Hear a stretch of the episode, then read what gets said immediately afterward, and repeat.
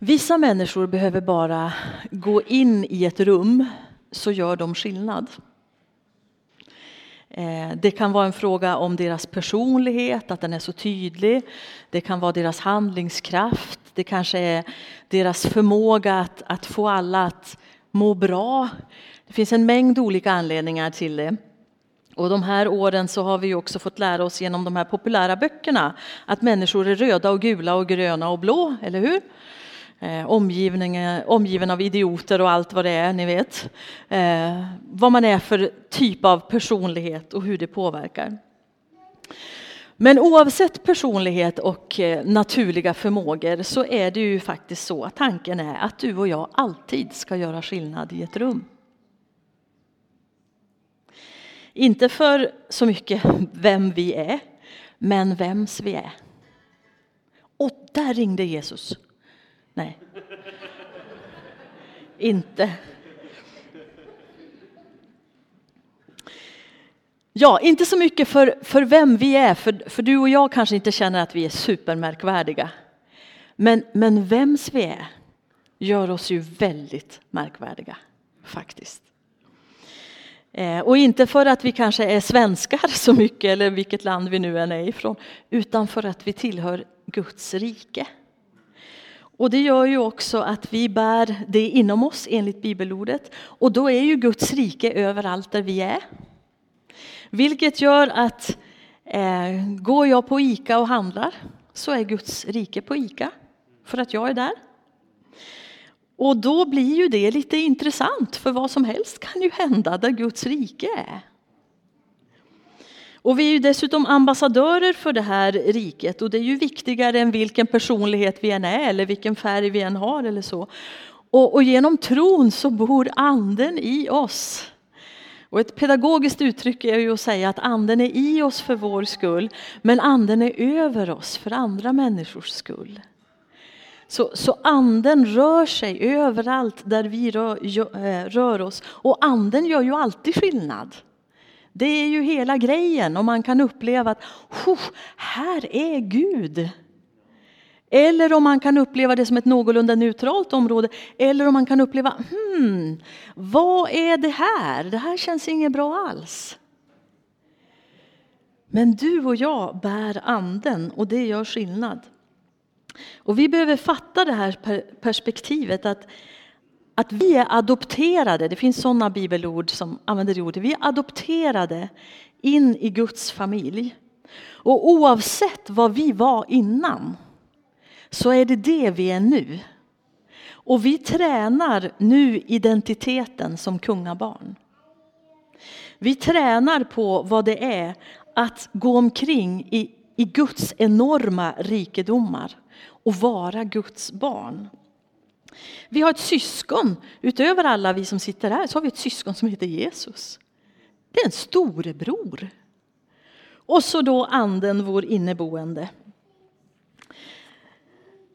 Och även om vi alltid kommer att veta att den här familjen kom jag in i bara av nåd. Det är bara för att någon bestämde sig för att ta jobbet och älskade mig så att jag adopterades in i den familjen. Så är det ju så att när vi nu är i den familjen så vill Gud att vi ska leva så att säga som de biologiska barnen. Vi ska låta familjens kultur bli vår kultur. Vi ska inte stå på tröskeln och trampa och känna oss osäkra och tänka att Gud kanske ändrar sig en dag. Eller att, att jag kan ju som aldrig få vara här på samma villkor som de där är här. För jag är ju adopterad. Utan meningen är ju att vi ska bli så trygga tillsammans med vår Gud så att att vi också kan komma lite sent till middag någon dag. Eller spela för högt på, på stereon. Eller släppa tvätten på fel plats. Därför att, att, att vi lever i en relation och inte i en religion. Och jag vet att, att jag är så älskad så jag kan slappna av. Jag behöver inte hela tiden vara det perfekta barnet. Jag behöver inte hela tiden säga till Gud, ja du ska verkligen inte behöva ångra att du adopterade just mig. Utan jag ska gå i en sån kärlek och i ett sånt flöde från Gud att, att jag liksom slappnar av och, och saker och ting kommer att bli fel. Men det finns väl ingen förälder som har tänkt att det alltid ska bli rätt? Är det, är det någon förälder som ens vill ha ett barn som alltid skulle göra rätt sak? Då ska vi börja fundera, vad, vad är problemet? Eller hur? Har den aldrig något behov av att testa en egen tanke fast jag har sagt så här gör vi? Och är det adopterade barn så skulle vi känna oss osäkra på om den är verkligen trygg. Om den aldrig vågar ta ut svängarna lite. Så vi behöver höra anden inom oss och förstå att han, han öser sin kärlek över oss och hoppas att vi med tiden älskar honom tillbaka så att, att våra liv är tacksamhet och, och glädje och kärlek och så vidare. Och så lever vi i kungens palats som hans älskade barn. Och då förstår vi att, att Gud har höga planer för oss. Och då blir det så här att är jag, är, är jag kungabarn nu? Alltså jag vet ju vad jag var för. Är jag kungabarn nu? Men, men då kanske jag inte vill göra riktigt samma val som jag gjorde förut. Därför att att de valen var ju på en lägre nivå än vad som skulle vara representativt idag när jag är kungabarn. Och, och har jag råd att ha så där väldigt många tankar i mitt huvud om mig själv som han inte har om mig i sitt huvud? För hans tankar är ju alltid mycket bättre och högre. Och så får vi liksom ett annat mått som vi börjar mäta oss själva med i positiv mening. Inte för att Gud är en Gud med ett pekfinger och liksom undrar hur går det för dig så. Utan för att vi förstår att vi har en identitet som kungabarn. Och jag vill representera det väl. Jag vill representera den familj jag tillhör. Och jag vill representera det rike som jag tillhör. Så tillbaka till starten. Vi behöver inse att vi förändrar ett rum som vi går in i. Om prinsessan Victoria skulle vilja gå på en gudstjänst och smög in i pingst i Karlstad så skulle hon ändå förändra dynamiken i det ögonblick hon kom in i rummet. Hon kan försöka vara diskret och hon kan sätta sig längst ner och hon kan vara tyst. Det skulle ändå förändra någonting. Därför att det bara är så. Hon är prinsessan Victoria. Eh, och på samma sätt så får vi tänka att där vi är, där är Guds rike. Och går vi in i ett rum där det finns mycket mörker, andligt eller själsligt, så vet vi att vi ändå är ljus. Och ljuset i oss har ingen skugga. Det här är den nya människan som vi är i Kristus och som på grund av Jesus vet sitt värde som bär ett, ett gudsförtroende. Jag brukar säga att vi behöver faktiskt inte ha så förskräckligt bra självförtroende. Om vi har ett gudsförtroende. Det kan vi leva väl på. Och så väljer vi det som blir representativt och då, då, då vill vi också betjäna. Eh, Jesus som hade all makt gav sitt folk makt. Och han sa använd den för att betjäna. Och det vill vi göra väl. Vi vill representera riket väl. De flesta människor engagerar ju Gud i sina omständigheter om de blir nog svåra. Då säger folk om du finns Gud så hjälp mig nu. Och vi kristna gör ju ofta på samma sätt. Alltså att när omständigheterna är besvärliga då säger vi Gud kom och gör någonting åt det här som jag är just nu. Men vi har ju möjlighet att göra val utifrån vår identitet och inte utifrån våra omständigheter. Att mer utgå ifrån frågor som när någonting händer. Vem är du Gud för oss mitt i det här som händer nu? Och, och vem är då jag i den här situationen? Och hur, hur har det här en möjlighet att, att mitt i det som händer ändå förändra och utveckla min karaktär? Eh, hur, kan, hur kan min personlighet börja lysa mer av dig i det här? Hur, hur har du tänkt det, Gud? Ibland när vi tycker att vi drabbas av samma omständigheter gång på gång genom årens lopp så kanske Gud faktiskt försöker berätta att det finns en kallelse in i vår identitet som han vill ta tillsammans med oss. Eh, som han längtar efter att få möjlighet att ge oss. Jag har någonting här för dig. Därför att vi vill ju vinna den segern oavsett omständigheterna. Sen kan vi utifrån förändringen Gud gör i oss vända oss mot omständigheterna och se vad kan hända i den här situationen. Då sätter vi oss över situationen tillsammans med Gud. Inte under omständigheterna. Det finns en humoristisk film, Evan den allsmäktige. Känner ni igen den? En del en humoristisk familjefilm om en nutida man som blir en Noa. Och innan filmen är klar så har han faktiskt räddat en stad undan en, en damm som spricker. Men i den här så ber hustrun i början, det är en sån här perfekt amerikansk familj, gulligull så va. Och i början av den här filmen så ber hon sin aftonbön. Och så när hon ber för allt det här som man brukar be för så säger hon också att Gud, och Gud jag skulle behöva mer tålamod också, säger hon. Och sen är aftonbönen klar. Och senare i filmen så finns en scen när hon i frustration har lämnat sin man. Eh, sitter på ett café på väg med barnen till sina föräldrar någon annanstans för jag kan inte leva med honom längre. Eh, och så är det Gud som serverar henne. Och hon känner inte igen Gud. Och han sätter sig bredvid henne och så säger han bara så här. Du, om någon ber om tålamod till exempel. Tror du då att den personen bara vaknar en dag och har tålamod? Eller tror du att Gud ger henne tillfällen att träna tålamod? Och så vänder hon och åker hem till sin man igen. I Andra krönikeboken 1 där har vi ett kapitel där det står om allt som kung Salomo hade lyckats med och hur mäktig han var och hur Gud uppenbarar sig för honom en natt. Och så säger Gud så här. Be mig om vad du vill så ska du få det. Det är sådana omständigheter vi skulle vilja ha, eller hur? Helt okej. Okay.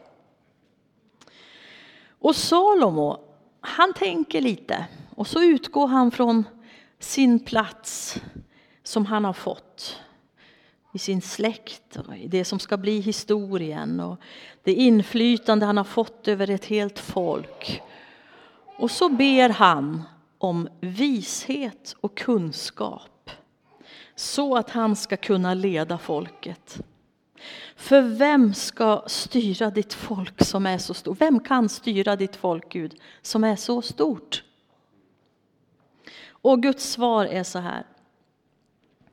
Därför att din största önskan var detta och därför att du inte bad om rikedom, välfärd och ära eller dina fienders liv utan om vishet och kunskap för att kunna leda mitt folk som jag har gjort dig till kung över.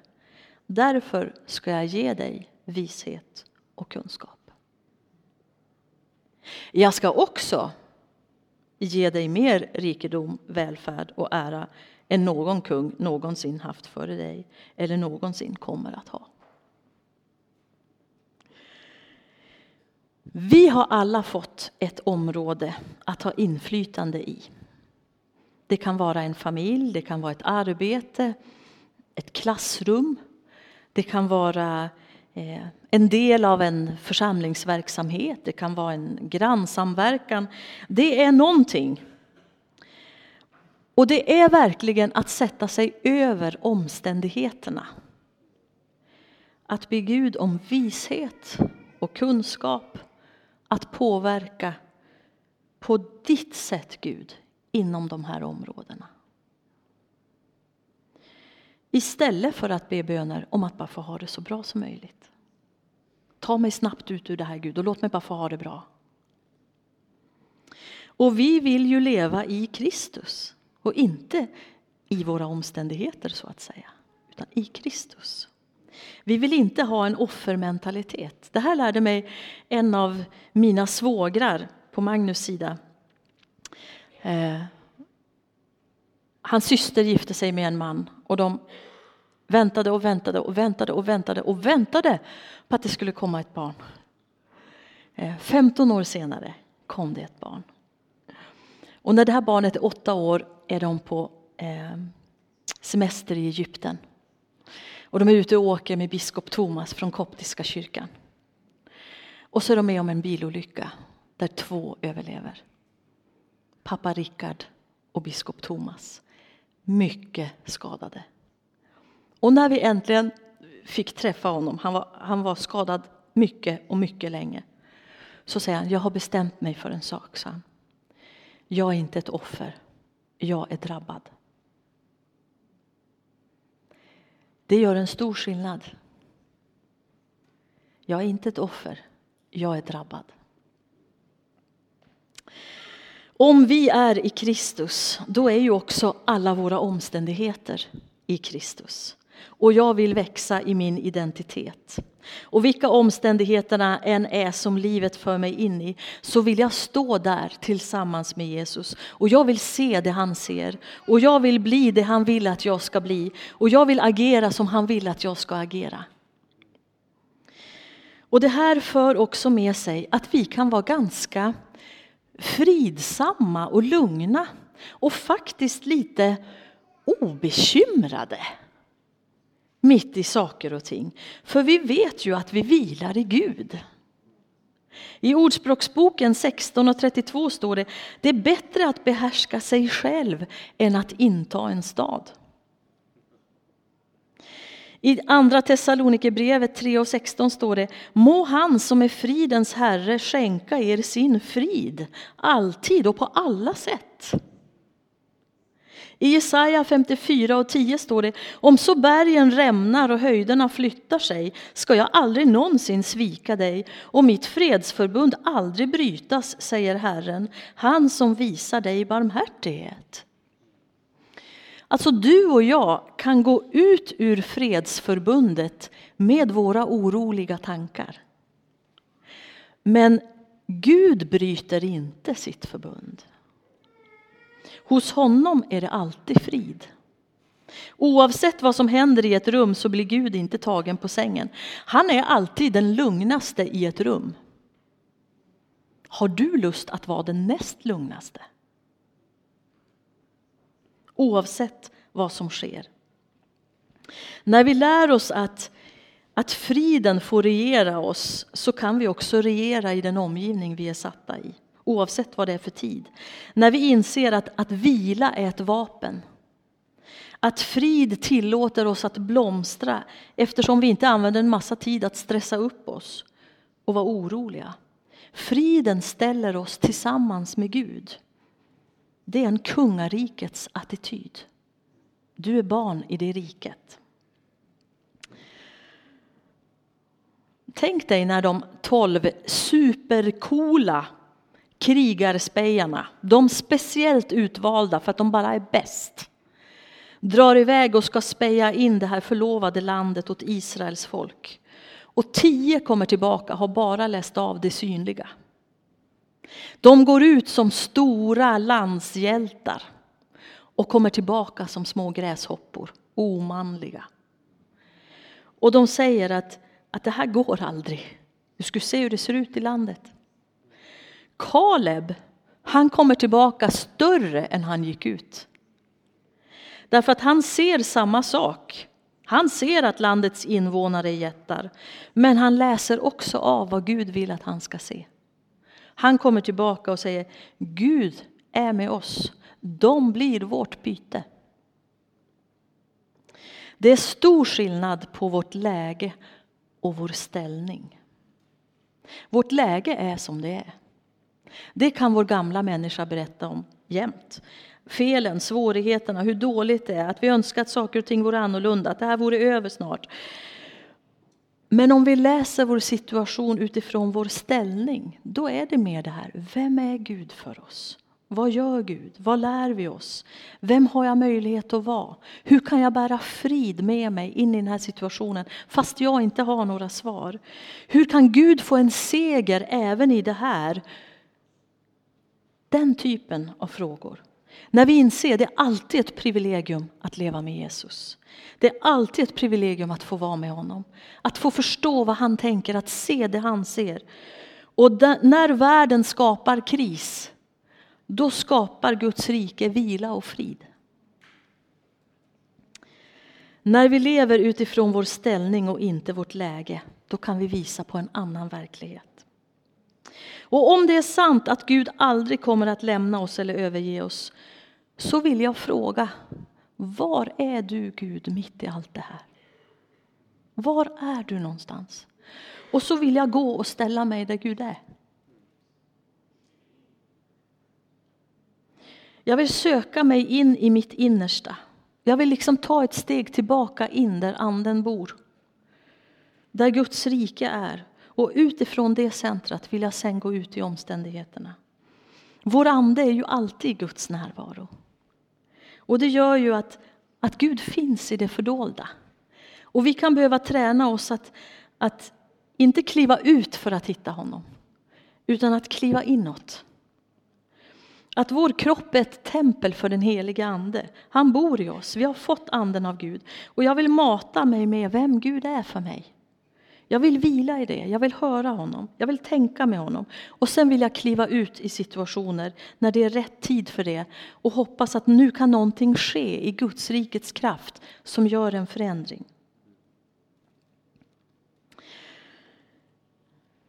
Jag har läst eh, över nätet i något som heter Welton Academy.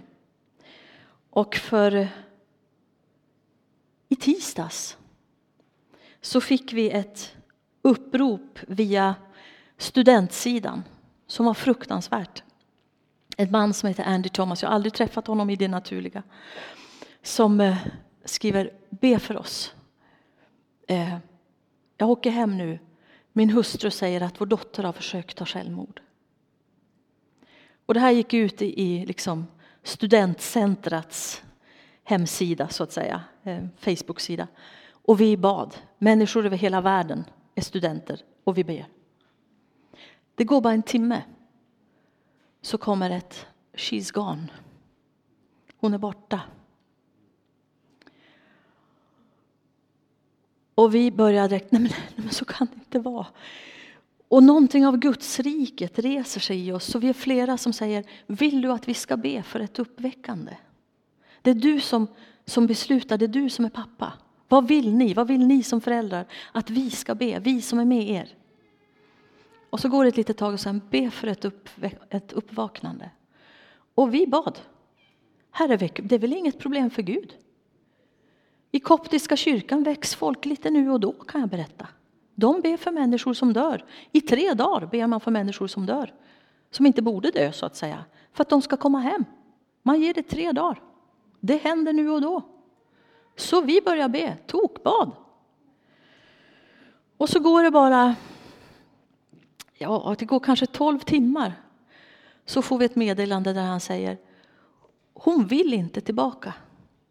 Han, han lever med en, en profetisk ådra. Han, han, är i den här skolan bland annat för att, att utveckla sin, sin profetiska sida. Och han säger, jag, jag, jag vet när jag hör Guds röst. Jag vet hur flödet är när jag hör Guds röst.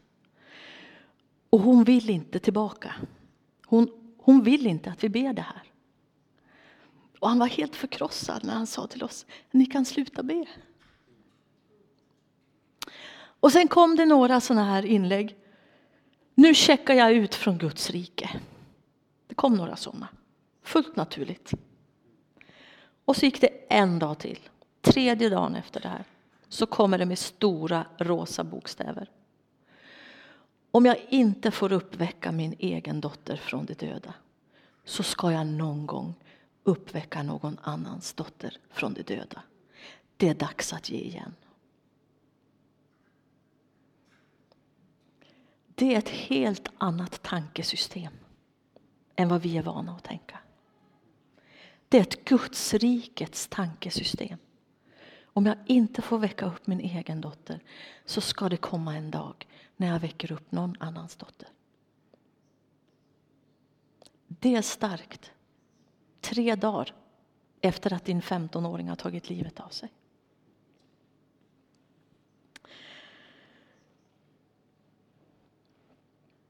Låt oss utveckla en tillit till Gud som ett sätt att leva. Att vi blir säkrare i honom, inte tvivlande. Att jag vill vara med honom, jag vill smittas av honom. Att jag kan känna hur rik jag är. Att jag kan vara glad mitt i svåra omständigheter. Jag vill vara så upptagen och så fascinerad av Jesus att jag faktiskt inte blir skrämd av någonting annat. Och jag vill nyfiket fråga, hur tänkte du nu Gud, när omständigheter sker? Vad är det för löften du har gett som kan passa in i den här situationen? Jag hörde om en man som alltid ställer två frågor när det uppstår situationer. Har Gud förändrats? Nej. Är något för svårt för Gud? Nej. Ja, men då är det ju lugnt. Då kör vi på. Vi lär oss att vara kvar i Gud, för varje svårighet är en möjlighet till förändring. Att hitta och förstå vår identitet. Och vi vill hålla före att det finns i den här röran som vi är i, så finns det ett privilegium någonstans. Och därför så vill jag inte sörja för länge eller klaga för länge eller bli ett offer eller fastna i det ena eller det andra. Därför att jag vet att Gud kan alltid göra någonting nytt. Allt ska i längden kunna användas av honom. Och allt ska i längden, i de stora dragen, samverka ändå till det bästa för oss som älskar honom. Inte så att han vill en massa elände som händer, men vi ska eh, frodas genom många olika omständigheter. Och vi vet ju att vi växer sällan i nedförsbacke. Men i uppförsbacke måste du ta i. Gud gör väldigt mycket, men han gör ofta mer bakom min rygg än framför mitt ansikte. Så jag vill vara kvar i honom och samarbeta. Så då får vi göra våra val utifrån vem Gud är för oss främst och inte utifrån vad vi vill ha ut av en omständighet, utan vem han är för oss. Att få se hans hand i arbete. Och om det inte sker på en gång och om jag inte ser att det sker som jag önskar så vill jag träna mig på att inte känna press och känna stress utan vila. Det finns en lovsång som är väldigt poppis nu där man säger, jag sjunger It may look like I'm surrounded but I'm surrounded by you. Det kan se ut som att jag är omringad, men jag är omringad av dig. Så, nu ska jag sluta. Ni vet Jesus han sov i vissa stormar. Tänk om det är så att du och jag har auktoritet över varje storm vi kan sova i.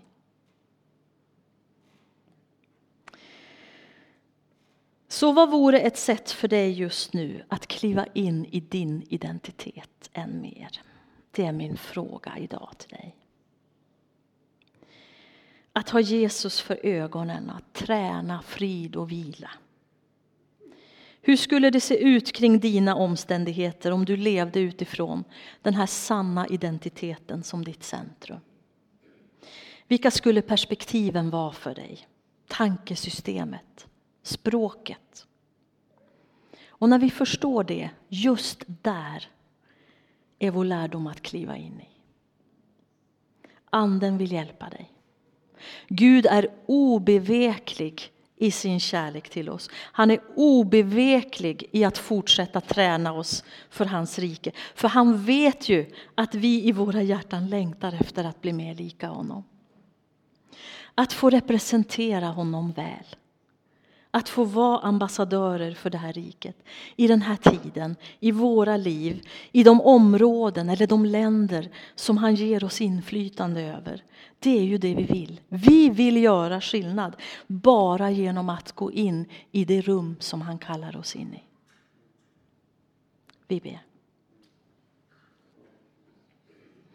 Herre, vi vet att där du drar fram, där förändras livet för människor. Där ditt rike går, där, där blir det ljust. Och vi tackar för att, att vi har blivit funna i dig. Att du fann oss. Att, att det finns ett ljus i oss som inte bär någon skugga. Och vi tackar för att, att, att om vi ändå inte är så märkvärdiga så, så är vi märkvärdiga för att vi är dina barn. Du, du måste ju älska vanliga människor eftersom du har gjort så oerhört många av oss. Men du är ju så märkvärdig. Och vi ber om en, en medvetenhet om att vi är adopterade in i din familj och att vi gör skillnad i ett rum som vi går in i. Vi ber om att få gå med ljus där det är mörkt. Vi ber om att på ett helt annat sätt förvänta oss att det ska hända saker. Om det så är på ICA det ska hända saker. Gud är här. Det spelar roll att jag åker på den här bussen, att jag går på den här trottoaren, att jag läser den här kursen på högskolan. Det spelar roll.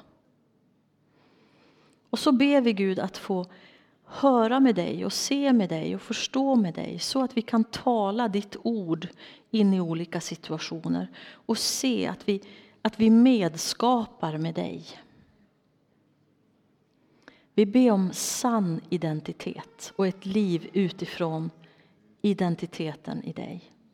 Vi älskar dig. Du som har älskat oss först, vi älskar dig. Och vi ber om att få förändras i din närvaro. Vi ber i Jesu namn. Amen.